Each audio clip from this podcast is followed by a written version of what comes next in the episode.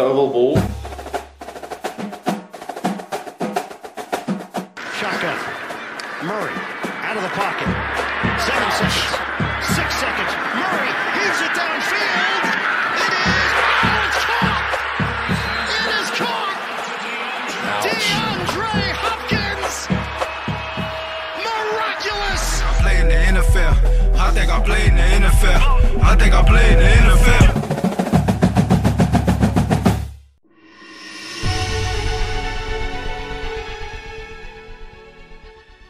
Hjertelig velkommen til Oval ball. Sesongens siste podkastepisode, og i tradisjon tro, Stian, så mangler vi én mann. Men vi er her. Er vi. Vi er på plass, det er det viktigste. Vi skal kjøre en grundig recap av Superbowl 58 og hylle Kansas City Chiefs. Vi eh, får til og med besøk av Mattis Holt, som skal fortelle litt om eh, Superbowl sett fra sin side. Vi skal ha noen få nyheter, og vi må jo selvfølgelig ha med en liten anbefaling i sesongens aller siste oval ball. Eller snappen snap and go. Football til folket. Football til folket.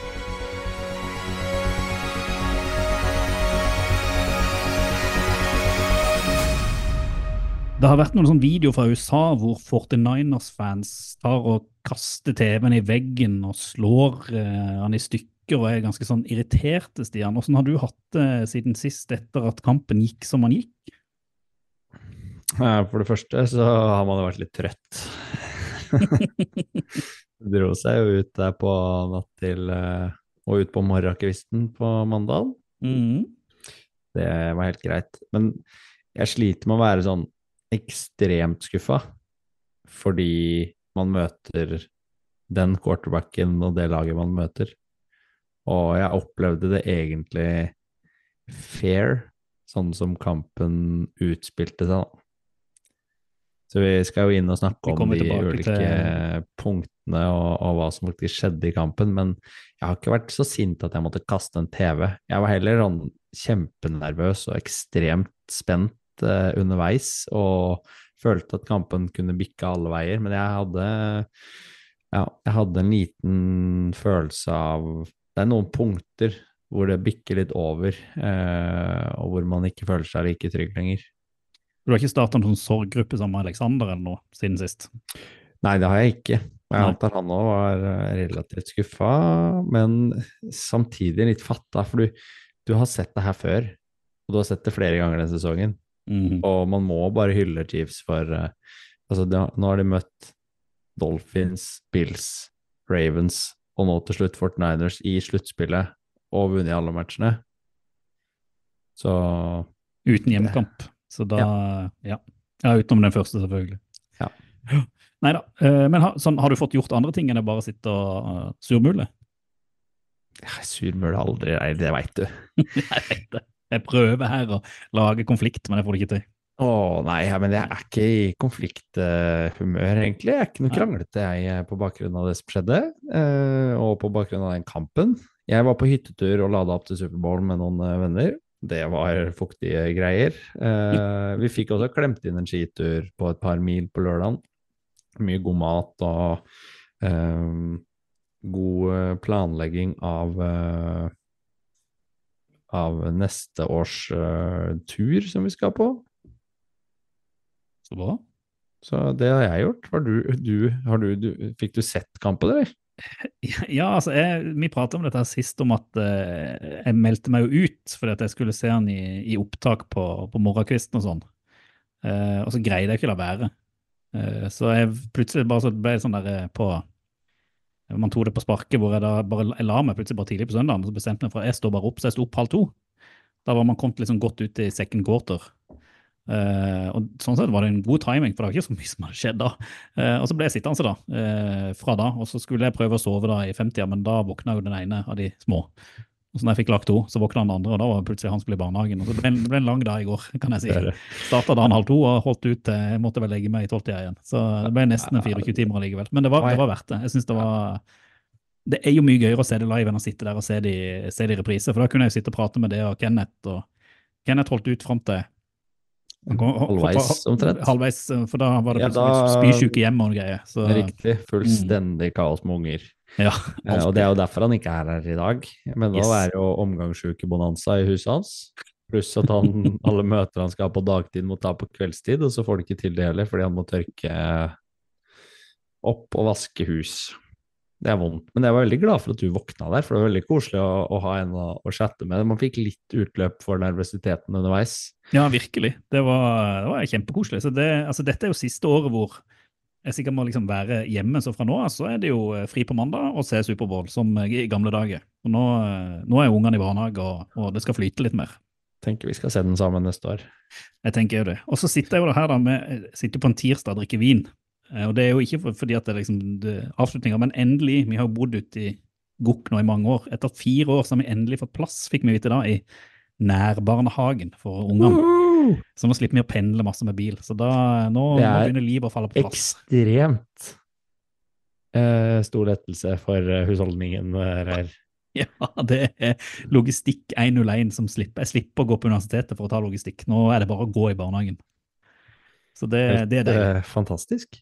Ja, det er jeg glad for. Så da, det, livet blir lettere på alle måter. Så nå er det bare å lade opp til en ny sesong med, med NFL. Ja, ja, ja. Og jeg har liksom begynt å få tekta naboene og sånn her òg, så nå begynner det, det begynner å komme seg. Blir Superbowl-fest i din uh, husstand neste år, da? Ja, ja, ja. Og det er jo sånn, dette er jo sånn, vi har, vi, har jo ikke, vi har ikke mye lyttere, men det er jo sånn gøy. Jeg har en nabo her eh, borte i Høgget som jeg tror du har møtt en gang, Stian, som da Ja. plutselig var ute og så en hockeykamp med en av våre lyttere, som mente at jo, jo, jo, den podden har jeg hørt om. Så eh, Hm. eh, ryktet vårt går, det, det kan man like. Det kan man like. Veldig hyggelig. Og folk har jo sendt oss litt sånn småtteri, eh, og kan fortsatt sende oss småtteri selv om vi tar en liten pause etter episoden i dag på Ja, ja, ja. Eh, på Twitter og Facebook og Instagram. Og kontakt ovalball.no er det bare å sende hvis dere har noe å, spille inn til, til vår neste sesong. Gjest eller andre ting. Eh, og det er jo ikke så lenge til draften heller, så vi må la det opp før vi dundrer på videre. Eh, men nå tar vi en kort pause, litt nyheter, og så skal vi prate Superbowl, Stian.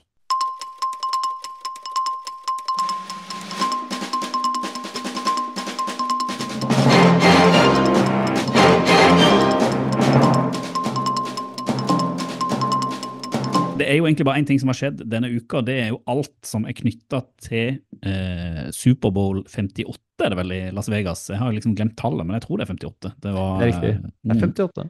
58. Og en ting som alltid skjer uka før eh, Superbowl, som vi prater mye om i poden her òg, det er jo NFL Honors, hvor det da deles ut priser. Og jeg tror de aller fleste som hører på den podkasten, har fått med seg hvem som har vunnet. Men eh, jeg tenker jo, Stian, vi må jo nevne Vi har tippa mye på dette, her, hatt mye diskusjoner rundt det, så vi må jo nevne hvem som har fått prisene. Eh, og kanskje noen eh, tanker rundt eh, om vi mener det er riktig eller ikke. Jeg syns det er på sin plass, og, og det er jo basert på det som skjer i regular season, og ikke sluttspillet, egentlig. Og noe som kanskje er litt rart, fordi sluttspillet er såpass viktig. Jeg syns jo, jeg syns jo det, eh, og, eh, men selvfølgelig, det, det er noe sånn det blir. og Hvis det hadde liksom alltid vært basert på sluttspillet, så hadde det vært vekta såpass mye at eh, det var, på en måte hadde endt opp med Superbowl-vinnere nesten uansett, på, på alle po- posisjoner. Men det gjør jo diskusjonen om NFL ganske spennende i løpet av sesongen, når man Mm. vet at det kommer en kåringssekvens mot slutten, basert på det som skjer. Og det, det jo, gjør jo at det er gøy å diskutere, diskutere ulike kategorier her, da. Ja, altså er det jo litt sånn, det synes jeg det er litt sånn vekta mot at det er ofte de lagene eller spillerne eller, som man ikke hadde tro på i det hele tatt, som da gjør det bedre enn man trodde, de får ofte en pris. Mens hvis det er spillere som man har tro på, som allikevel gjør det bra, eller trenere man har tro på som gjør det bra, så har de en tendens til aldri nå opp. Men det kan vi jo eh, komme tilbake til. Eh, MVP, ikke veldig overraskende, de gikk til Lamar Jackson. Den eh, var vel nesten locked inn allerede eh, lenge før eh, sluttspillet begynte. Han eh, slo vel egentlig alle kandidatene i siste rundene i sesongen, og han står egentlig ganske klart og tydelig som regular season MVP. Eller hva, tenker du, Stian? Jeg syns det er vanskelig å gi MVP sånn egentlig, når du ser hvordan han og Ravens gjør det i sluttspillet. Når de Mhm. choker og ikke får det til der, da. But it doesn't matter! Ja, nei, jeg skjønner jo det. Eh, Men det Mm. er den, den som gjør den kategorien der kanskje litt vanskelig. Mm. Og at man har en egen MVP da i Superbowl isteden. Tja, jeg vet ikke. Men jeg syns jo han fortjente det sånn jevnt over i regular season. Eh, og av de andre som var verdt å nevne som også fikk stemmer, så var det vel Josh Allen og Christian McCaffrey og Brock Purdy som kom på de neste platene sånn henholdsvis. Mm. Så Eh. og De var jo også nevnt gjennomgående hele sesongen, men Lamar kanonbra. Og vi hadde jo Christian McCaffrey, tror jeg vel både med det, som vår MVP. Eh, han fikk jo da Fancy Player of the Year, og det tenker jeg jo var sånn fint plaster på, på såret, i alle fall. Eh, for jeg tenker det er liksom de to eh, som kanskje har stått fram som de mest verdifulle av, av spillerne i, i år. Så det er jo ikke noe sånn veldig stor overraskelse foreløpig i den lista som ligger framme, iallfall. Nei, det, McCaffrey har egentlig slått alle rekorder som er mulig å slå i løpet av sesongen. Og Mm. Gjorde det jo også i selve Superbowl, um, med antall receiving yards og rushing yards i samme match. Og så uh, har du da en defensive rookie, nei, defensive rookie, defensive player of the year, uh, som jeg skjønte når man ser, ser på stemmetallene, sånn, var, det var tettere. Der eh, sto det vel mellom TJ Watt og Miles Garrett, og der var det Miles Garrett som stakk av med, med den, og den er jo vi enig i, for det var vel det vi kåra ganske unisont her, ut fra eh, hvordan han var i regular season, og hvor liksom, dominant han var i ganske mange av Browns sine kamper. Og Browns gjorde det jo ganske sterkt her basert på hva jeg sa tidligere, at kanskje man ikke hadde helt kroa på dem, og så gjør de det bedre enn man, man trodde. Ja, men selv de underpresterer jo kanskje litt når det drar seg til mot slutten av sesongen, da. Så, så det er nå så, men, men Mm. Miles Garrett sine prestasjoner og forsvaret til Brown sånn gjennomgående kan man ikke kritisere på noen som helst måte. Nei. Så jeg syns Miles Garrett er en velfortjent vinner av den uh, kategorien. Så har du da disse rookie awardsene, offensive og defensive. Og i offensive så gikk det vel ganske klart og tydelig, selv om jeg vet at Puka Akua fikk noen, noen first place votes der òg. Så var det CJ Stroud som stakk av med den. Den var vel helt Ikke noe å si på. Ikke noe å si på. Ikke sant? Og så Defensive Rookie of the Year, der kjenner, husker jeg jo at det var relativt tett mellom både Jalen Carter og var det Kobe Bryant og, eh, og, og andre, men det var vel Will Anderson som, som stakk av med den. Òg Texans spiller, så Texans litt som eh, Jets gjorde i fjor, var det vel. Stikke av med begge rookie eh, awardsene basert på at man hadde ikke troa på dem, og de går jo helt til, til playoff og vinner til med en playoff-kamp.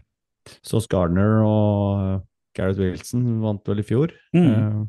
Og Will Anderson og CJ Stroud. Der er jo Stroud den solide eneren og veldig vanskelig å gjøre noe med når du ser hvordan han har utvikla seg i løpet av sesongen. Så at han, han vinner den klart, er uh, veldig greit. Pukanakoa kanskje en god andreplass, mens Will Anderson nok har vært den mest solide av de forsvarsrookiene, eh, i mine øyne, da.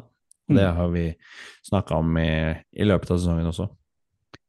Så har du òg da en eh, coach of the year, og her skjønner jeg at eh, når jeg har hørt det på altså og sånn, at der var det uhyre jevnt. Det var vel én first place vote eller som skilte Kevin Stefanski og Dmikos Ryan. Gøyt nok at de møttes i playoff, hvor Ryan da gikk seirende ut, men det var Stefanski som gikk av med coach of the year. eh, eh, premien, og det er vel den her dette er vel kanskje den kategorien hvor jeg har liksom mest problemer, for her, her er det liksom den coachen som overrasker mest, føler jeg, får eh, den eh, statuen, mens kanskje den beste coachen, altså Andy Reid, eh, Shanahan, eh, Campbell, det er en del eh, eh, Arbo i, i Ravens, altså det er en del trenere jeg mener er bedre enn Kevin Stefanski er, men det handler liksom om, det virker som om man gir denne ut fra forventningsnivå, eh, ikke egentlig ut fra hvor gode god de er som laget coacher. som overpresterer mest. Ja, eh, og derfor er det veldig mye rar altså Shanahan har vel aldri fått den, eksempel, eh, som jeg syns er Nei. kjempefascinerende. Ja, han kunne jo fort fått den, syns jeg, i løpet Ja. av sesongen. Sånn som han lina opp spesielt offense og, og var så dominerende da, i, i veldig mange matcher. Mm. Selv om de hadde en down, så var de fortsatt uh, umulig å, å hanskes med i store deler av de kampene. Så, Um, men Stefanski gjør jo en veldig god jobb med Browns. Mm. Ut, utvilsomt. Men om han er coach of the year i mine øyne? Nei, tror jeg kanskje ikke. Jeg ville nok heller gitt den til Demico Ryans, som, som får så mye ut av det Texans-laget. Og til slutt så eh, har man diskutert comeback player of the year, og den var vel allerede gitt til DeMar Hamlin før sesongen, fordi at du kan på en måte ikke gjøre et større comeback enn å komme tilbake fra de døde. Men nei da, Det var ikke nok. du. Du kan det du. Du kan spille fem kamper for Browns eh, pluss en sluttspillkamp og få han, og det var det Joe Flacco som fikk. og Han påpekte vel til og med sjøl det i, i en tale, at han satte jo pris på anerkjennelsen, men han følte likevel at han Han stjal han litt fra DeMar. rart, ja. Ja, det var litt rart med den korte karrieren han hadde. og på en måte Han, han hadde bare spilt fem kamper. og ja. Så øh, og, og var litt overraskende, syns jeg òg, men det var noe, det var noe sånn det endte. Det var sånn de gikk i år. Eh, og vi, vi var jo inne på at Blackhawk kunne vinne den, eh, men vi trodde jo liksom ikke at det kom til å skje. Men det skjedde, og det er vel kanskje den rareste prisen. Ja, altså eh, Og den, si at, historisk sett også, har det vært veldig mange rare vinnere av akkurat den, og det er det jo flere andre eksperter og podkaster som også henviser til. Altså kan dere f.eks. høre på ATN eh, som diskuterer akkurat det samme og gå gjennom diverse, mm. diverse historier der. Og så er det jo sånn i denne NFL Honors at det er jo en haug andre priser som jeg ikke helt vet hva står for engang. Jeg ser at Tommy DeVito har fått Bud Light Selly-prisen. Uh, Jim Swartz har fått assistant coach, så på en måte hele Browns uh, trenerteam fikk uh, eh, priser. Han var jo defensive coordinator og gjorde jo en kjempejobb med det forsvaret. Og kanskje den prisen som sto mest ut eh, for min del, var jo da Angry Run of the Year, og den ikke gikk til Pacheco i Chiefs, men han gikk til Najee Harris, sikkert for et eller annet run som de henta, fram. Og, og til slutt så er det vel den prisen som kanskje er den mest sånn anerkjennende, som ikke handler om NFL, det er vel Walter Payton Award, så vidt jeg har skjønt, som går liksom Man på of the year. Man of the Year, og den var det Cameron Haywood som fikk i, nå eh, under NFL Runners, som er vel den som gir mest, mest kred, sånn sett. Ja, det handler jo om hva man gjør utenfor banen, og hva Ja. man bidrar til lokalsamfunnet, sånn kort fortalt. Den ble også presentert eh, rett før avspark eh, natt til mandag. Ja, og kanskje det som da står igjen mest fra NFL Honors Award, vet du hva det var? Det var en av prisutdelerne, fikk du med deg det? Nei? Nei, fordi at uh, når Walter Payton, uh, Man of the Ward, tror jeg ble uh, delt ut, så var det eh, en viss prins Harry som dukka opp. Eh, Ja, det stemmer. det. Jo, når du sier det, så mm. husker jeg at de snakka om ham fra scenen, til og med. Og han, eh, jeg syns han var kjem, altså, kjempemorsom, for han sa jo egentlig bare at han syns jo de hadde gjort en kjempejobb med NFL, for de hadde bare gjort rugby enda mer interessant. Med å gjøre sesongen kortere og gi de pause. og eh, Han var rett og slett ganske morsom. Så jeg vil anbefale folk som ikke har sett den talen han holdt på NFL Honors, å bare rett og slett gå inn og, og google det opp, for det var han, han er en morsom kar, han der Harry. Ja, han har vel sagt fra seg både septer og krone, så det er vel derfor han slipper skuldrene litt ned, da. Det eneste han har igjen, er litt suits der hjemme, hvis du tok den. Jeg har sett Suits. Du har sett Suits, ja. takk skal du ha, det var bra. Eh, en siste ting, eh, eller en siste ting. Eh, vi prater jo Superbowl, og en eh, nyhet som jeg tenker det er verdt å nevne, det er at Superbowl mellom Chiefs og San Francisco 49ers er den Superbowlen som er sett av mest mennesker. Eh, hadde et snitt på 123,4 millioner seere, og dette er jo da i USA. Hadde en da en økning på rundt 7% fra 115 millioner som så kampen i fjor, og så var det over 200 millioner mennesker i USA som var inne og så Superbowl, eh, altså av og på. Eh, og det er jo ny eh, rekord. Og dette kan vi vel rett og slett bare si sikkert er denne Taylor Swift-effekten. For jeg har aldri sett mer dekning av Superbowl i norske medier enn denne gangen her, og alt er jo knytta til Taylor Swift. Ja, det er kanskje litt av grunnen til at eh, det ble slått ny rekord også når det gjaldt uh, hvor mye, mange millioner som ble liksom betta. Uh, og det som ble lagt inn av The Nevada Gaming Control Board. Da er uttale om at vi har snakka om 185,6 millioner dollar som ble vedda om, uh, og det slår det gamle tallet eh, fra Los Angeles Rams mot Bengals i eh, som, som henta inn 179,8 millioner da, for det to år siden. Det er så passende når det er i Vegas. Det er jo den rekorden som må slås. Ja, det, det var på sin plass, det var ikke uventa, men det har vel som sagt også noe med populariteten, eller skal vi si den, den siste lille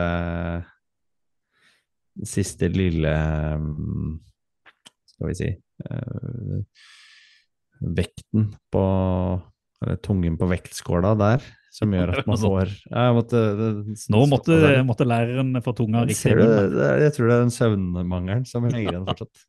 Men det er faktisk der det få en Taylor Swift oppå eh, det har ligget der og skjer i Las Vegas, tenker jeg at det er eh, hovedgrunnen. Da.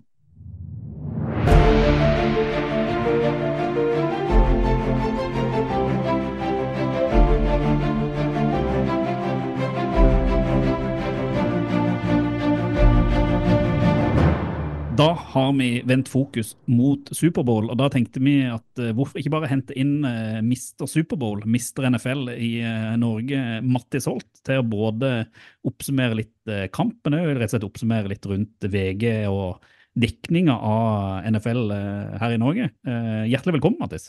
Takk, takk. Nå er jo både sesongen over og, og Superbowl over, med, og så ja, hvordan, eh, hvordan har du det nå? Det, er vel andre året dere har kjørt eh, full dekning, eh, og enda større dekning i år enn dere gjorde, har gjort, gjort tidligere?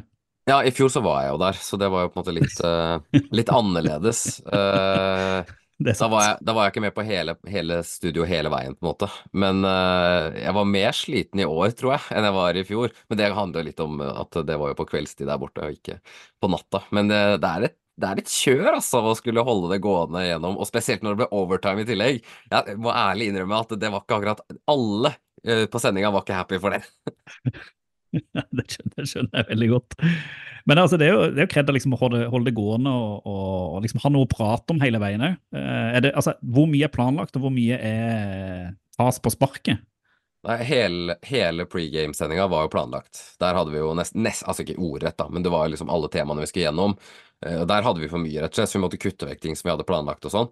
Eh, Men med en gang kampen setter i gang, så er det veldig vanskelig å ha planlagt ting, da. Du kan på en måte ha noen, noen få notater på eh, temaer som du kan gå inn på, men det blir jo å ta ting på sparket fra pause til pause, og de pausene kan jo komme litt sånn brått på også. Så det er det som er litt Altså mest utfordrende. Jeg har hatt noen studiosendinger, da. Ikke Superbowl, men jeg har hatt noen studiosendinger på NFL, og det er litt sånn utfordrende når det plutselig kommer en pause etter et halvt minutt med spill, og så bare Hei sann, nå skal vi prate om noe nytt igjen, ja. Vi snakka oss tomme forrige pause, liksom. Så, så den biten der er litt sånn Jeg, jeg merka jo at energinivået datt litt i studioet vårt utover i, i kampen. Det handla om at folk ble trøtte og sånt, men eh, det tok seg opp, da. For du hadde jo med deg en gjeng på tre til, som Ja stort sett var med gjennom hele. Ja. De som ikke så det, så kanskje du har lyst til å oppsummere hvem du hadde med, og hvilken rolle de på en måte utspilte i, i sendinga? Ja, vi hadde jo på en måte hele spekteret, da. Vi hadde jo den fotballtekniske eh, i hovedtreneren til Oslo Vikings. Canadier, Derek Mann, som har spilt quarterback eh, fra han var ung og blitt trener i Norge.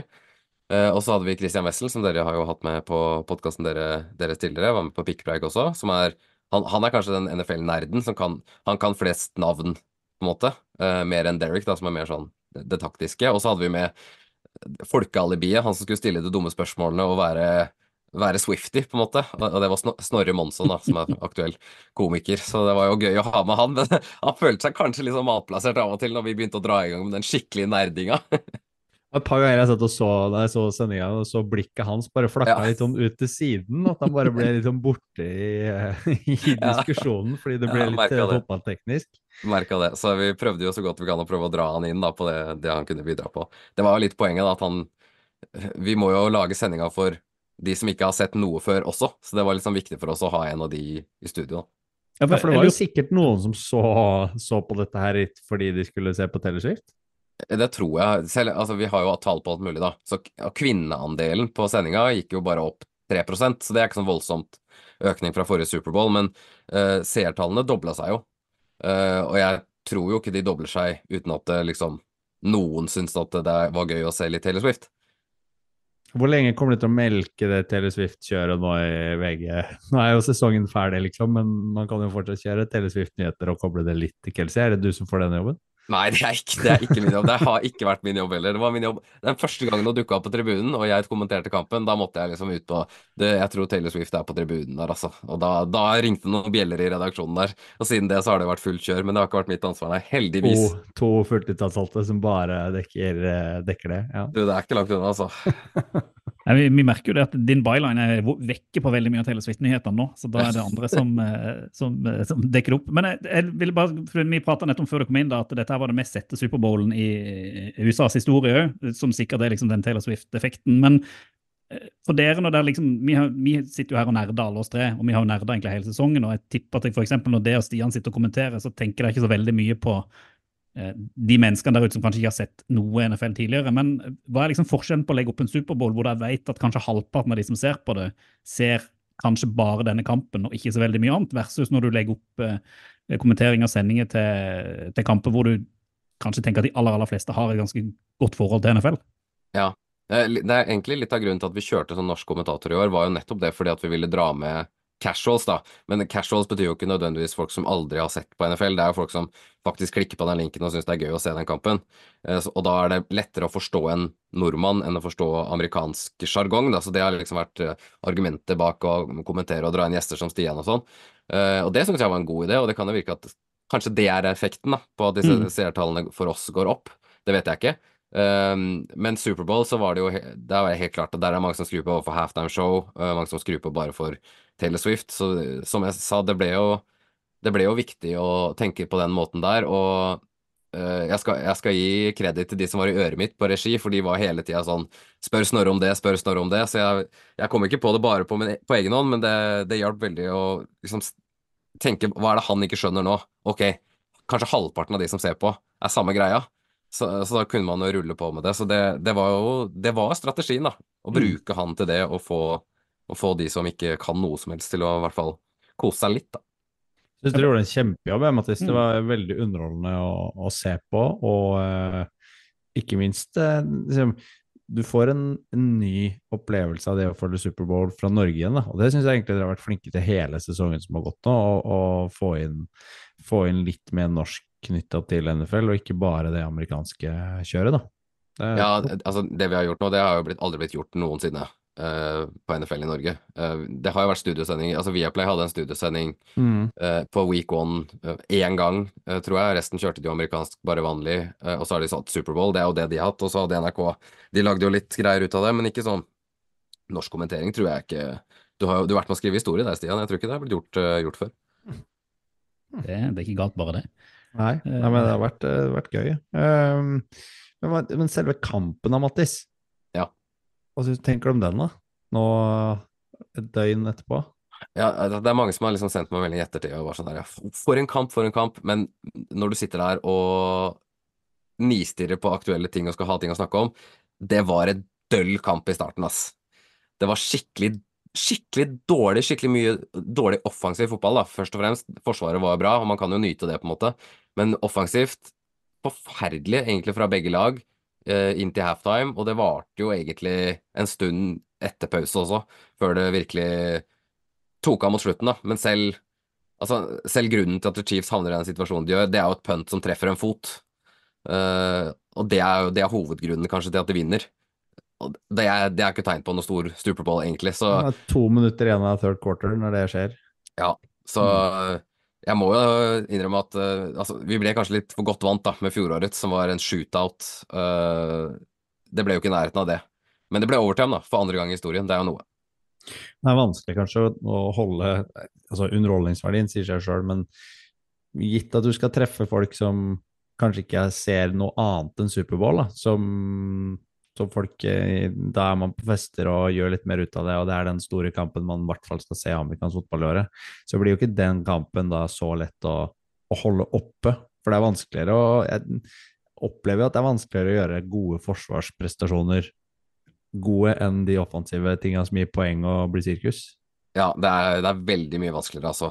Både for de som liksom skal klippe ut og, og vise til at her gjør han noe fantastisk også. Som vi, de i regi, ikke sant. De klipper ut et klipp som vi Så er skal det snakke måten han låser den opp på med hendene. Ja, liksom. det, det er sånn Da må vi ha slows, og vi må ha liksom tegne, og det, det, det er vanskelig. Eh, Så, og det er klart at Travis Kelsey hadde ett catch før pause. Hjelper jo heller ikke. Folk har jo skrudd på for å se kjæresten til Taylor Swift, ikke sant.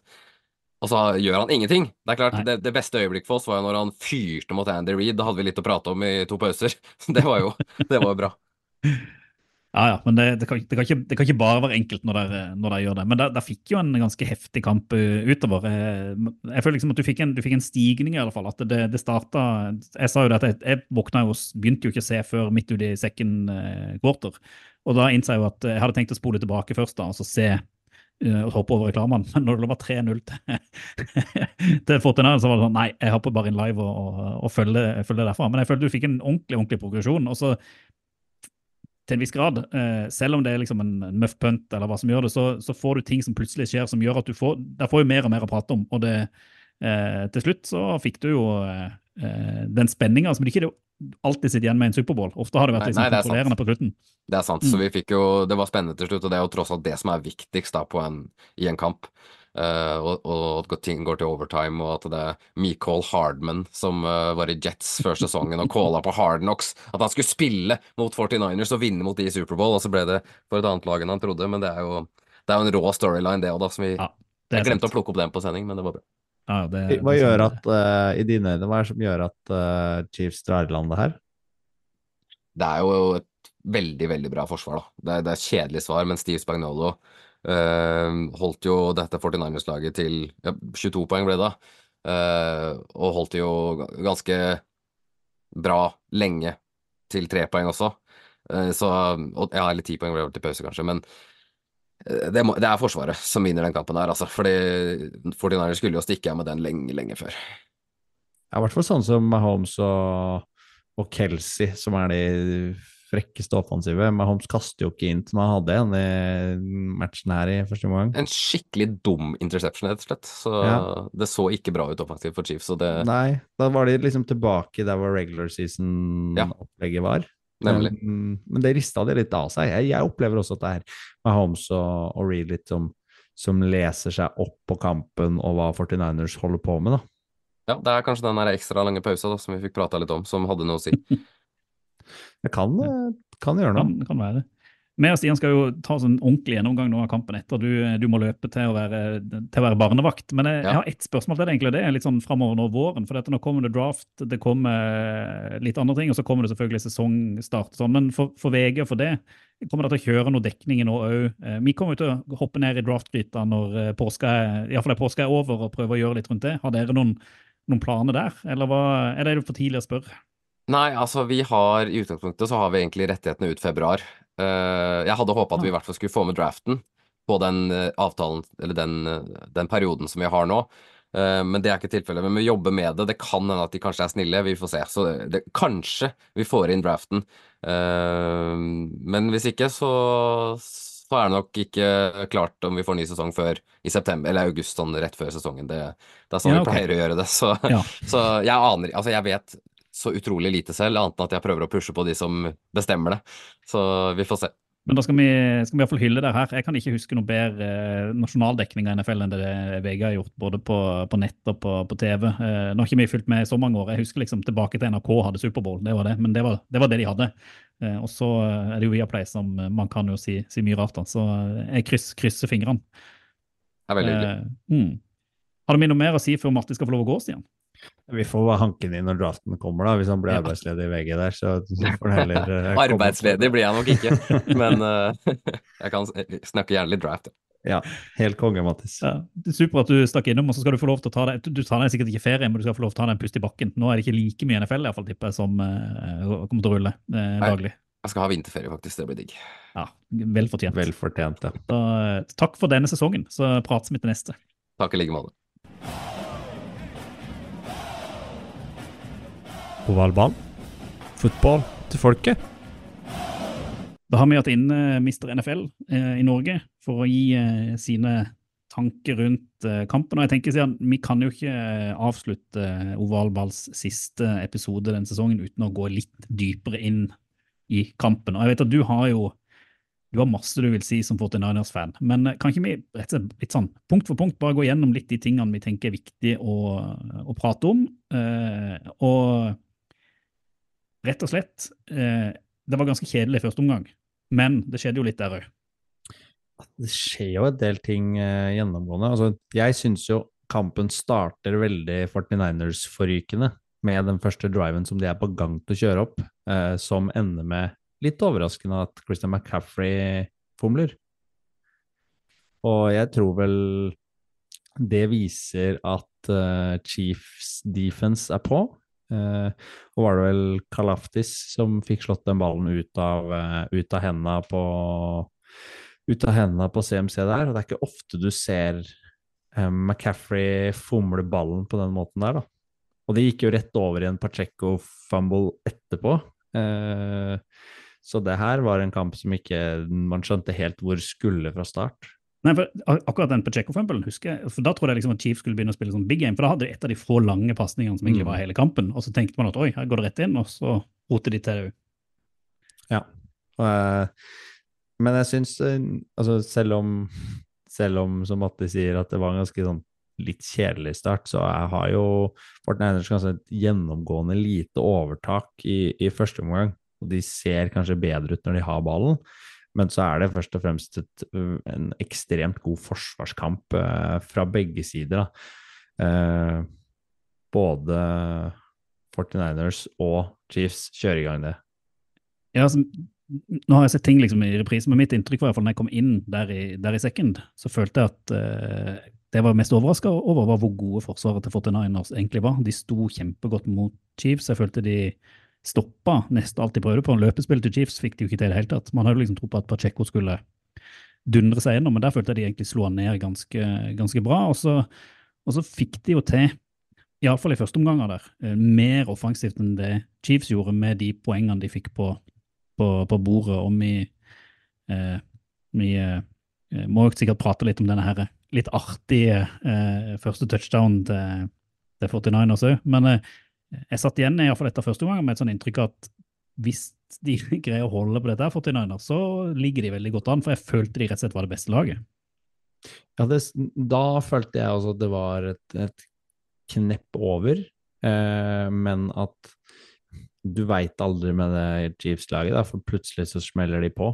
Eh, og jeg, når Jeg tror hvis du skal slå Chiefs, så er du nødt til å få igjen mer eh, i avkastning enn ti eller seks poengs eh, Sju poengs ledelse, som det vel var til, til pause, da. Eh, når Mahomes ikke er 100% på, Kelsey er helt ute av kampen og de ikke får løpespillet til å funke, så er det såpass lite angreps, angrepsvåpen som er eh, til stede der at de, de egentlig ikke får noen ting ut av det.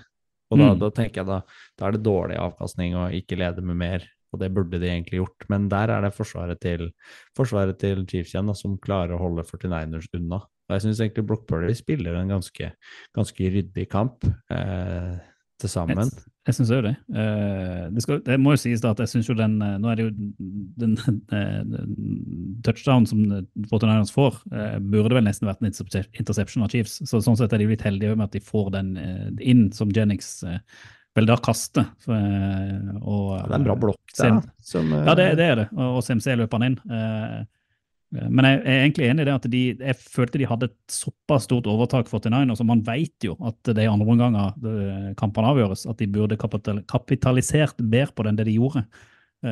Og eh, med ja. Jennings er jo at han Det er jo noen som hadde ranka han som den femte beste quarterbacken i den draften han ble tatt. Jeg tror det var samme draften da Kyler Murray ble plukka. ja.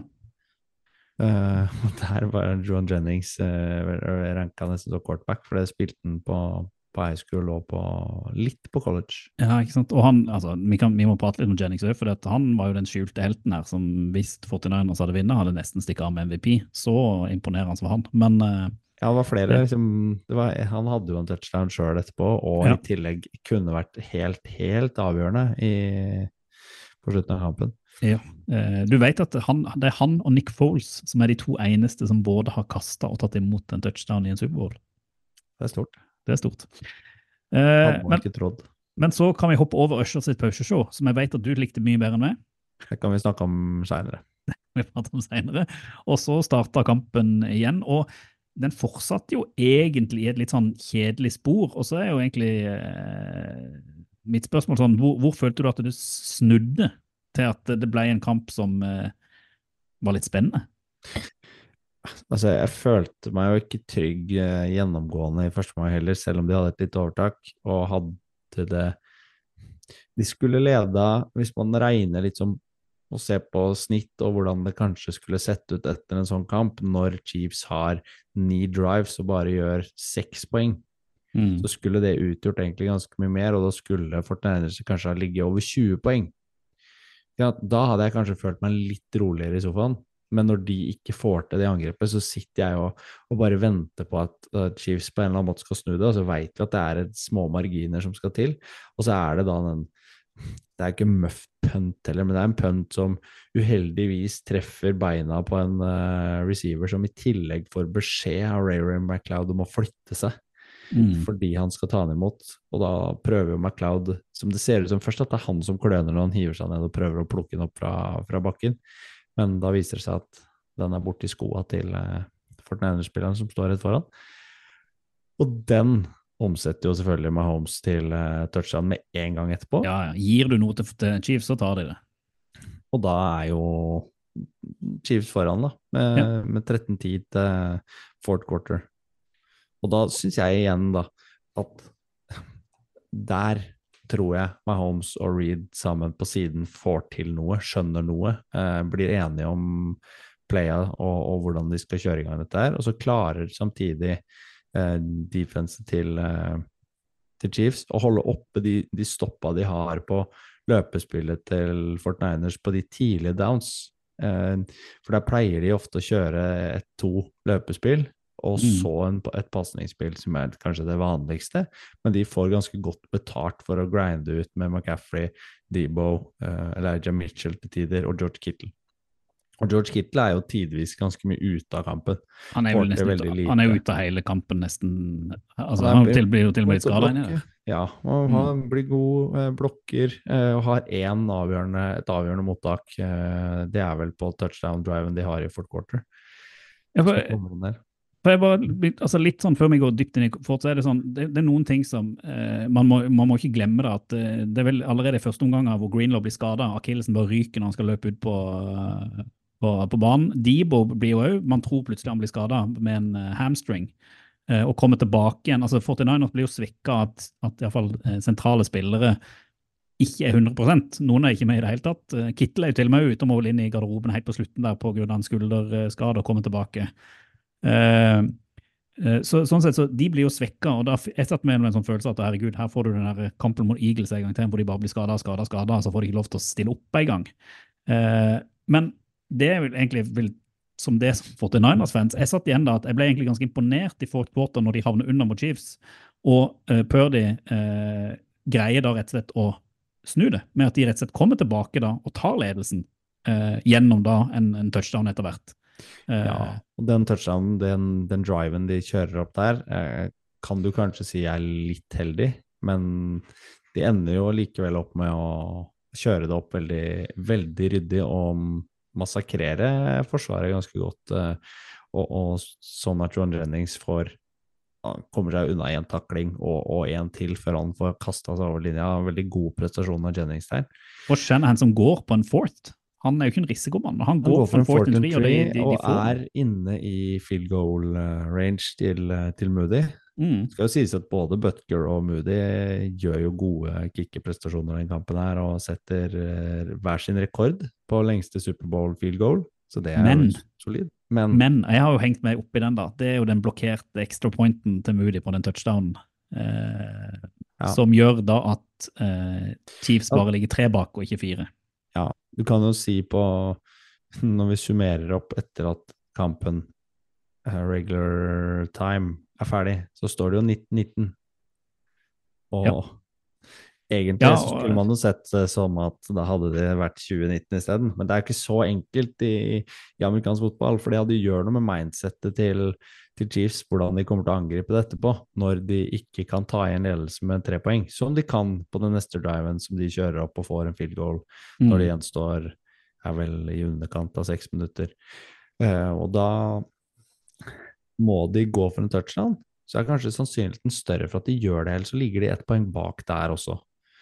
Um, og da tenker man jo heller at man vil ha fire downs istedenfor tre, når man skal ha det. Så mindsettet blir jo hele tiden endra. Så, så det er ikke godt å si hvordan det hadde endra hvordan 49ers hadde klart å stå imot forsvarsmessig, eller hvordan Mahomes og Reed hadde stressa det opp angrepsmessig. Men vi, vi prata om det i previewen òg, og, og, det er jo sånn at ting, ting, skjer jo alltid. Men vi sa jo at special teams kom til å være viktig. Og ser du tilbake på dette, så er det jo, eh, det er jo der mye av disse her eh, avgjørelsene skjer. De små marginene går på den punten som altså Man, er, man punter jo kjempebra. Og det er jo det at det ene special teamet punter kjempebra, det andre greier ikke, mot, altså, greier ikke motta det pga. at den treffer. Nei, det, er liksom, sånn, det er de småmarginene. Og jeg, når vi summerer opp helt til slutt Det kan vi jo, det er noen hendelser til vi skal innom, men så er det flere småting som til sammen blir avgjørende, føler jeg, for 49ers her, og, og, som gjør at de ikke vinner. da. Du, du har rett liksom, i at det, det er marginene, men jeg, jeg, lurer litt på når du ser på kampen, og det er jo selvfølgelig vanskelig å se på det nøytralt, vi kan jo diskutere det siden du er, siden du er 49ers-fan. Men hva, hva, tenker du? Eh, la oss si da, hent fram tre grunner til hvorfor er det Chiefs som går ut eh, seieren av Superbowl, og ikke 49ers? Mm, jeg vil bare først si eh, avslutninga med Du har tre field goal på rappen, men mm. først når Butker setter sin ene og, og utligner, og så klarer uh, Purdy å kjøre opp en kjøre opp en drive hvor Moody til slutt setter en 53 yards field goal, så, så er oppspillet til det veldig bra. Eh, men igjen forsvaret til Chiefs som står imot, da. Og der har du igjen det motsatte, eh, at forsvaret til 49ers står veldig bra opp. Så Fred Warner for eksempel, spiller en kanonkamp ja, mm. eh, sammen med liksom, Trent McDuffie og, og Chris Jones på, på andre siden, da, som er helt uh, ekstremt gode. Så liksom forsvarskampen som Chiefs kanskje til slutt eh, vinner marginalt, da. Og det kan være fordi Greenlaw er ute. Men man har jo til og med bilder på når eh, Colton McKivitz, som er, er vel right tackle til til uh, Fort står veldig godt opp mot Chris Jones også. Så det er ikke sånn at Chris Jones er overlegen hele kampen, men det er et par plays hvor det ser ut som de glemmer den. Og det ja, er blant annet et par uh, det som kommer på overtime. Ja. Mm. Så, så, forsvaret til Chiefs er vel kanskje en av de tre grunnene. Uh, den andre grunnen er Hvis man skal si at Shanahan gjør en feil da, når han velger å ta ballen i overtime. Når de kaster uh, mynt, så uh, har man diskutert liksom hvorfor. Og han, hans forklaring er at de har diskutert det med Analytics, de har diskutert det med eksperter, de har diskutert det innad i, i trenerteamet. At her er det med de nye reglene kanskje viktigst å ha ballen på den tredje spillmuligheten. Hvis man tenker at man når man da begynner med ballen, enten for et field goal eller for uh, en touchdown, og det andre laget klarer å svare, så får man ballen tilbake, og da er det første poenget som vinner. Mm. Uansett. Uh, det var det de hadde uh, analysert seg frem til. Men så kommer det jo litt frem nå i dagene etter Superbowl at de hadde kanskje ikke diskutert det nok. Spillerne var ikke sikre nok på taktikken, de var usikre på regelverket. Eh, og det kom jo frem eh, når man så på sosiale medier i løpet av kampen der òg, eh, og etterpå, at hva skjer med klokka? Er de uforsiktige, Chiefs? Går tida ut når han er ute? Men der er det sånn at nå skal de fortsette å spille til den possession til det andre laget også er ferdig, da. Mm. Så de, de, ville bare starta klokka på en ny uh, omgang. Ja, det reagerte til og med på, fram til jeg skjønte at uh, de spiller jo ikke uh, ut en omgang, så er det ferdig. De spiller til possession er ferdig uavhengig av klokka, mm. så da vil det bare komme en ny quarter, liksom. Så klokka har ingenting å si. Og det var jo egentlig, det gjorde plutselig at jeg skjønte veldig hvorfor, for de tok det så rolig, Chiefs. Det sa jo dommeren også nå starter vi en ny kamp mm. i myntkastet, men i retrospekt så kanskje Shannon vel gjort det annerledes, og det er mange som har heva øyenbryna og tenkt motsatt. For det som skjer, som vi var inne på med eh, Hvis Moody hadde satt det ekstrapoenget, så ville mindsetet til Chiefs endra seg, og de hadde vel tenkt at de hadde fire downs istedenfor tre. Mm. Eh, og det er litt det som skjer med Chiefs hvis Altså når de får ballen tilbake, for de vet hva de må gjøre for å vinne kampen. da. Eh, og hadde, hadde Moody sluppet å sparke, og de hadde kjørt inn en touchdown, som de var veldig nærme å gjøre også, Chris Jones ødela jo den. Chris Jones som plutselig kommer alene gjennom, og da, det er snakk om kanskje tre tideler til Ja, ja. før Purdy setter den pasningen til Jennings. Jennings er åpen, og alt er, alt er egentlig klart. De får matchupen akkurat som de vil ha det. Mm. Og hva gjør man med den blitsen? Og det er jo den som skjer egentlig Jeg kan jo komme tilbake, nevnte den i stad. Den Moody ender opp med å ha field goal på i to minutter, under to minutter når det er igjen der. Eh, Der kjører de jo en full blitz igjen, eh, og da er det jo two slants som de liner opp eh, to ruter som skal løpes, som gjør at de kan slippe ballen bare rett bak. Eh, Men da er det jo McDuffie igjen som klarer å slå ballen ut av hendene på Jeg lurer på om det er Debo eh, som han sikter på der. Eller Ayuk. Det husker Mm. jeg ikke. Men, Jeg lurer på om det, er Ayuk, men ja. Mm. men det er jo nettopp det de får til i Chiefs hele tiden, at de er såpass matchavgjørende i de setupene de får der, eh, og vinner mann-til-mann-duellene i de avgjørende fasene. Da. Men der er- virker det som det er en tellefeil, et eller annet som ikke går helt om det skal, fordi Jones får løpe tvers gjennom og bare presse, presse Purdy. Han gjør jo nesten det han kan. Men det som skjer når han da må sparke, er jo at Mahomes vet at hvis vi kjører en touchdown, så vinner vi kampen.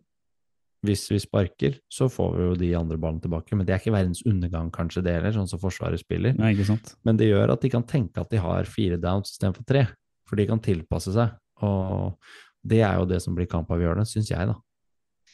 Ja, altså er det jo det at man skal ikke glemme Patrick Mahomes oppi alt dette her heller. Nei, og det er den altså, siste grunnen, ikke sant. Ja. Og det er, litt av, det er litt av årsaken til at jeg ikke blir sånn superskuffa heller, for jeg ser hvordan han står frem og spiller. Og når, når kampen skal dra seg til helt mot slutten, og det, det står og faller på hvem som gjør færrest feil, så har det vist seg at Chiefs er det laget hver eneste gang. Og spesielt knytta til måten de skal spille offensivt på, og måten Mahomes eh, tegner opp og, og kaster pasninger og løper sjøl. og liksom, er helt umulig å få has på. Ja, men jeg må jo si, jeg satt jo så der, jeg må jo si fordi at en venn med det, så satt jeg hadde liksom, heide litt ekstra på 49ers i overtime, og, og det som jeg sitter igjen med var egentlig at jeg følte sånn sett forsvaret til 49ers sto ganske godt opp, men det Chiefs greier å gjøre, de har jo en fourth down og en fourth and one der, hvor de, som de konverterer, hvor Mahomes løper, og så har de vel to, eller om det er to eller tre, eller om det er fire third down conversions, som de greier, etter egentlig å ha blitt stoppa på first and second, så, så greier de å konvertere det eh, på et eller annet vis med at Mahomes enten løper, eller da til slutt at eh, Travis Kelsey får ballen og løper nesten helt ned til, til end zone. Så det er liksom den, de third down conversions som da Chiefs gjør, både i overtime og, og sidere, eh, greier jo egentlig ikke fått noen annen som gjør nesten i hele kampen. og det, Der får du liksom, det er det matchup-hjørnet hvor du, du, kan si at du kan enten så er det med Holmes og det offensive som er veldig gode, eller så er det rett og slett at forsvaret til 49ers svikter da i de matchavgjørende situasjonene, hvor da forsvaret til Chiefs med Chris Jones i spissen gjør den rake motsetninga, at de bare viser hvorfor de er så gode, fordi at de greier å stoppe de viktige third down conversionene for, for 49ers. Så der òg føler jeg at det er en sånn Det er småting, men det er likevel jækla viktig. Ja, Eh, til sammen så utgjør de småtinga igjen, som jeg sa i stad, de utgjør alt. Eh, men det er jo Når man summerer opp, så syns jeg det er greit. Eh, jeg syns det er vanskelig å ta den her fra Mahomes igjen, og jeg syns det er vanskelig å i hele tatt gjøre noe med, med måten de vinner på. Og så er det surt kanskje fordi det er den gylne muligheten som 49ers hadde, og det er surt for Shanahan, som igjen taper en Superbowl hvor han ligger under eh, og leder til pause. Um, men det, man kan ikke tenke sånn, for det her Jeg syns ikke Shanahan gjorde så veldig mye rart. For den uh, fourth and three som vi snakker om innenfor field goal, som ender opp med en touchdown til Jennings, den hadde vi snakka om på en helt annen måte hvis det hadde endt om at de vant kampen. Så Ja, kunne ja. man sett det som matchavgjørende. Men jeg spurte meg jo sjøl i sofaen hvorfor gikk det ikke for touchdown istedenfor field goal, når du veit hvordan reglene er på den siste. Jeg skjønner at de sparker, liksom, men det står så mye på spill, da. Hvorfor ikke prøve? Du stoler på Forsvaret, som ikke da møtte, altså, som ikke greide å forhindre Chiefs til å Ja, og som altså, mm. oddsmessig, kanskje det er riktig å stå over på Forsvaret i den kampen der, Mm. fordi de har vært såpass gode hele veien. Og det er små marginer. Men da de intervjua Patrick Mahomes etter kampen, så ble han spurt om hvordan forholdt dere dere til reglene knyttet til overtime. Og de har hatt en fyr inne og, og ha taktikkmøte liksom rundt måten å håndtere overtime på hele tiden, mens det kommer jo frem da at 49ers ikke helt og spillerne der ikke var helt sikre på regelverket. Så de, de møter jo eh, litt ulikt forberedt til det som skjer på slutten. Men Og, og Mahomes sa i tillegg at hvis de hadde starta med ballen, så hadde de gått for et spark, ja, sånn som 49ers gjorde. Så oddsmessig så gjør jo Shanahan akkurat det han skal, og som han pleier å gjøre. Han har kontroll på analytics, han har kontroll på, på hva som er mest sannsynlig utfall av diverse spillesekvenser. Men en menn Cole Hardman skjønte jo ikke at han hadde vunnet Superbowl når han mottok ballen, så det er ikke alle som har fått like mye med i de der eh, taktikktimene, det må man jo si. Han måtte jo, eh, Patrick Mahomes sa jo det jo etter at han måtte bort og knocke han litt på hodet og si at du, vi, hvorfor feirer du ikke? Vi har vunnet hele greia nå. Oh, han hadde ikke skjønt Det tenker jeg like gjerne kan være øyeblikksmagi uh, og eufori som, som preger med Herman. Og det, Det som er kult, er jo at de vinner jo med corndog-playet som de vant med mot Eagles i fjor, som de gjorde to stykker av. Det er egentlig ganske kult. Det er det de hoster opp. Ja. Og, Eh, men eh, sånn eh, vi, kan, vi kunne sitte og prate om denne kampen en time til, men eh, jeg har en babycall som hyler her og der, og vi skal, jo, eh, vi skal jo videre i livet. Men jeg lurer på 49ers videre i livet nå, Stian. Hva, hva tenker du nå? Er det et lag som kommer til å ta en eh, ja, altså en- Rams, og plutselig da ikke greier å vinne kampen neste år? Eller hva, hvordan føler du de står til neste år? jeg tror det må skje noe på lagfronten, og de kommer nok sannsynligvis ikke til å ha råd til å betale Chase Young f.eks. igjen. For den kontrakta går ut, og han skal ha masse millioner. Men de, fordi de har Brock Purdy på en kjempebillig kontrakt, og egentlig som, en, som litt juks, så gjør det at de kan Alle de offensive gutta kommer tilbake. Til og med Trent Williams, som man var kanskje usikker på, har sagt at han skal tilbake en sesong til. Mm. Så offensivet er på plass, men det er nok eh, defensivt man lyst, trenger å gjøre noen endringer. Nå er Hufanga, som røk akillesen, han er jo tilbake. Eh, og Det var det Dre Greenlaw gjorde, så det kan hende de må gjøre et eller annet for å, for å matche opp for han. Um, men Purdy har i hvert fall stått frem som, som en riktig quarterback for 49ers, og, og gjør ikke skam på verken seg sjøl eller, eller laget på måten han presterer på. Jeg syns Mahomes har noen år ekstra på baken og er et helt annet talent, så man kan, kan ikke forvente at han skal være på Mahomes-standard. Eh, og hvis han i det hele tatt kommer dit, så, så vil det nok ta enda mer tid. Men Mahomes gjør hver gang det eneste riktige i enhver situasjon. Kan ikke Og- sammenligne noe med Mahomes, det går jo bare ikke. Nei, og det er helt fantastisk å se på han. Jeg hyller på en måte det, og måten kampen der eh, utspilte seg, og hvor nervøs det var, og hvor spennende det var, og hvor fantastisk gøy det var å få en Superbowl som trengte overtid for å bli avgjort, og nesten en ekstraomgang av overtid også. Ja, ja. Men er det ikke litt skummelt òg, med å tenke på at dette var året man skulle slå, slå Chiefs, eh, og så varte de opp med kanskje det beste forsvaret de har hatt noen gang, og så får de et offensiv som kanskje til neste år bare blir bedre, med at de kan drafte inn enda mer eh, kapital der, og de kan enda bygge enda mer rundt eh, våpnene eh, til Mahomes. Og Travis Kelsey blant annet var jo veldig tydelig på at han skal i hvert fall fortsette ett år til, for han skal gå for den tredje.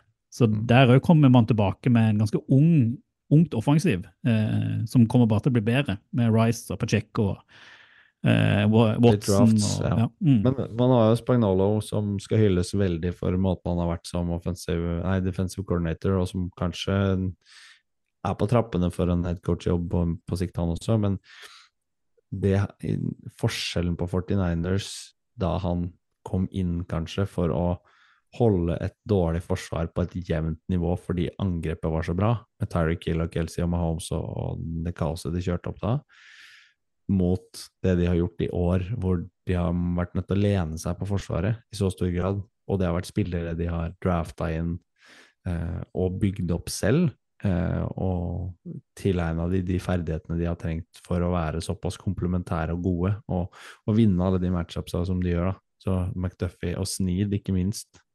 Ja, Og kan man jo mm. vurdere liksom om Sneed har vel en kontrakt som går ut, eh, Chris Jones har det samme. Spørs det om de må velge mellom de to, f.eks., for, eksempel, for hvem de klarer å beholde. Kanskje de klarer å få til begge to, men, eh, men Sneed skal nok ha penger, for han har vært en helt uvurderlig corner for de nå i år. Ja, nå går jo ryktene på at de kommer til å rekonstruere den kontrakten med Holmes som har vært ganske stor i år, til at de, de dytter penger bakover, sånn at for å kunne gi da kontrakter til, til disse. Så det blir jo spen Apropos, det blir spennende å følge det i Ja, begge i de lagene her kommer jo til å være oppe og nikke neste år, eh, og, og kommer til å være der. Men sånn Superbowl-messig sesongen under ett nå, så var jo ikke Chiefs det beste laget i regular season. Men de er det beste laget når det gjelder, og de vant eh, så fantastisk eh, mange bortekamper mot gode lag gjennomgående i playoff, og når de etter hvert leverer på det nivået som de gjør her, når det skal avgjøres, hvor 49ers spiller litt under par, gjør litt sånne småting feil, har litt marginer imot også, men de beste lagene har ofte marginene. Ja, de står igjen som ekstremt fortjente. Altså når du som Chiefs eh, Ja, du slår Dolphins hjemme, og så slår du Ravens og, og Bills borte, Bills, mens ja. da 49ers eh, slår Packers og, og Lions fra samme divisjon eh, hjemme. Så oppi alt, og, og Chiefs står igjen som seier her, så tenker jeg det er helt, helt fortjent. Selv om mange ønsker at ikke Taylor Swift skulle danse på, på banen. Men sånn ble det. Ja, men vi fikk en fantastisk Superbowl-reier, og når man oppsummerer sesongen under ett, så, så var det, har det vært gøy fra A til Å, spør du Ja. meg. Og, og den forrykende avslutninga signaliserer jo egentlig det samme som vi var inne på gjennom hele sesongen, at det er så jevnt, og det snur så fort. Og når Eagles, som starta sesongen så bra, ikke er i nærheten når playoff drar seg til, og Chiefs, Chiefs er der igjen eh, etter en luggeføreåpning på sesongen, og det snur hele tiden, så tenker jeg det Ja, det er bare å glede seg til fortsettelsen og glede seg til det som skjer eh, neste år. Det er det beste jeg har hørt. Dette er gøy. Det der, det er fett. Oval ball anbefaler. Ukas anbefaling må vi avslutte med i sesongavslutninga av Åreier. Og Ja. du, skal få, du skal få komme med noe litt Det er jo litt spesielt det du skal legge fram, men Ja, eh, det er greit. i, I dag det må jo knyttes til Superbowl, og så må det være noe humor. Eh, og veldig kort, jeg anbefaler egentlig bare alle der ute til å gå inn på Twitter eller nå X, gå opp i søkefeltet, og så trykke der det står medie, for da får du alle videoer, og så søker du bare Jason Kelsey Superbowl. Da har du kanskje noe av det gøyeste jeg har sett i hvert fall denne uka. For eh, Travis Kelsey, selvfølgelig han og Taylor Swift har hatt det mye video der ute at de har det morsomt. Men bror Jason han har hatt his time of his life, for han har kledd seg opp i noen vanvittige sånne Kansas Chitty Chiefs-klær og drikka sikkert en kasse alkohol eh, under Superbowl, og da kommer det en ganske en god del ganske morsomme videoer som ligger der ute på festene i, i etterkant. Eh, kan du nevne et par, bare, Stian? En hvor de da går bare rett og slett ut av stadion, hvor Jason Kelsey ser ut som han holder på å gå rett inn i en palme ved siden av, av Swift og, og Travis, og en annen en hvor du da ser bilder av Travis Kelsey og Taylor Swift som står og danser på dansegulvet med masse sikkerhetsvakter rundt seg, og så panner bare kameraet litt til høyre. Der står Jason Kelsey med ansiktsmaske og en sånn Chiefs-uniform og Og med en sånn brytemaske, er det ikke den her? Ja, og står med en DJ og bare drikker og danser helt for seg sjøl. Og det er bare For en mann, sier jeg bare. Wrestling-variant, ja. Eh, tullete anbefaling, men sterk anbefaling. Er han eh, senter på Chiefs neste år? Han har lagt opp til neste år. han. Det ser litt sånn ut. Ja. Ovalball. Fotball til folket. Da var sesong tre av oval ball ferdig, og NFL-sesongen ferdig. Jeg blir tom, jeg, når Ja, uh, Superbowl er ferdig. Ja. Jeg syns det er vi, vi klarte å holde godt i, ut sesongen. Eh, Igjen skulle bare mangle at eh, Kenneth ikke er med. Det er akkurat sånn som det skal, skal være. At noe mangler. Ja, altså Jeg er litt stolt av meg sjøl, for jeg hadde jo egentlig meldt inn at denne sesongen var min fraværssesong pga. nyfødte unger og sånn, men uh, jeg føler jeg har sånn ut fra litt sleit litt i starten, kommet veldig sterkt mot slutten. Ja, du har levert. Ja, jeg føler det. Over, eh, over par. Og du er jo, du er jo ingen stabil som Chiefs. Ja, Utenom internettet ditt et par ganger, så har det vært veldig stabilt. stabilt. vi har redda inn det òg. Ja, vi har det. Så, men mest vemodig fordi fotballen er over, eh, og Ja. da tar vi oss en velfortjent pause nå eh, en måneds tid. snakker vi vel. Litt over påske, kanskje. Vi skal prøve å blåse litt liv i, i eh, nettsiden vår igjen, med litt mockdrafts mock drafts og noen tekster der. Få inn Sander til å gi oss noen, eh, noen tips. og Når vi gjør comeback, så blir det jo fokus på draft. Vi er jo ikke helt sikre på om vi gjør det før eller etter påske, men det blir iallfall en god pause nå, så vi kan eh, puste litt og eh, ta vare på familie og sånn. Det er lurt, det. Men Det er eh, lurt, vi, en ting som du var litt inne på, som vi også må, må snakke om, er jo halftime show. Usher. Ja, du, vi må det, ja. Vi må inn på det. For det, Ja. de som de jeg har snakka med som er Usher-fans, de har vært strålende fornøyd med det som ble levert. Og det er jo til og med blitt ropt 'the greatest halftime show of all time'. Den skal vi ikke legge oss på. Det er jeg helt Nei. enig med deg. Og det, det finnes det noen andre rå, blant annet en med Dr. Dre.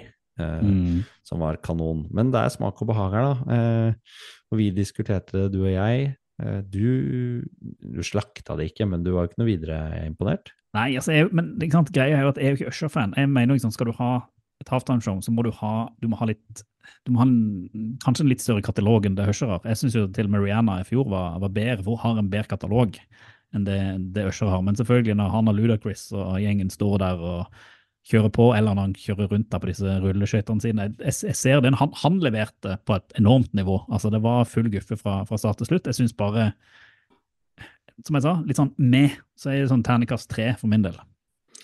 Ja, da, da gir jeg fire. Mm. Og så kan du en eh, Kan du avslutte med å legge terningkast på NFL-sesongen? Ah, Det er jo vanskelig. Jeg, kan ikke gi terningkast seks, men en, en god femmer syns jeg det har vært. Det har vært eh, ganske gøy fra start til slutt. Gode weeks, bra playoff, eh, overraskelse. Eh, Rookiene har eh, slått seg løs, men det har, ikke, det har kanskje ikke vært sånn den her fullstendig gale Mathias-sesongen eh, som man hadde for et par år siden, når du hadde denne ville kampen mellom Chiefs og Bills. og du har liksom ikke hatt det, Vi har ikke vært der, men en eh, terningkast fem, uten tvil. Der er, det vil jeg eh, også legge den på. Terningkast fem på sesongen. Så er jeg kanskje på terningkast fire på selve Superbowlen. Både på grunn av hvor lang tid det tok før det liksom tok av, og fordi utfallet var litt sånn ræva for min del. da. Ja, hvis du måler det fra second quarter, så kommer du opp i en fem, eh, femmer der òg. Men eh, jeg er enig i det at hvis du skal se alt under ett, så terningkast fire. Iallfall sammenlignet med i fjor, så var er terningkast seks. Ja. Den, den, den shootouten er mer underholdende. ja, ja, ja. Det her var mye nerve. Skal ikke surre med det. Men og det kunne, vår det egen sesong, da. Vår sesong. Den kan egentlig folket ta, kanskje? Den kan folket ta. Eh, ja, vi, det er ikke noe terningkast seks-sesong for oss, men eh, jeg syns vi har levert ut fra premissene, ut fra forutsetningene. Mm. Så håper vi at vi, vi, vi skal jo tilbake i sesong fire, og så må vi bare finne noe litt sånn, litt sånn planlegging og sånn på hvordan vi, vi gjør det. Finne formatet, som det heter. Finne formatet. Og jeg synes sånn symptomatisk sett, så nå hyler babycallen min. Eh, Det betyr at jeg må gi meg. Det har skjedd før. Eh, Så da sier jeg rett og slett bare litt sånn med babybakgrunn. Takk for denne sesongen. Dette var hyggelig. Og football til folkestjerne. Football til folket.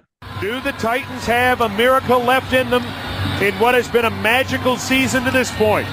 If they do, they need it now. Christie kicks it high and short. Going to be fielded by Lorenzo Neal at the 25. Yeah, give it to- it, back to Wycheck. He throws it across the field to Dyson. He's got something. 30, He's got something. 50. He's got it. 40, He's got it. 20, 10. He's got it. End zone. Touchdown Titans. There are no flags on the field. It's a miracle. Tennessee has pulled a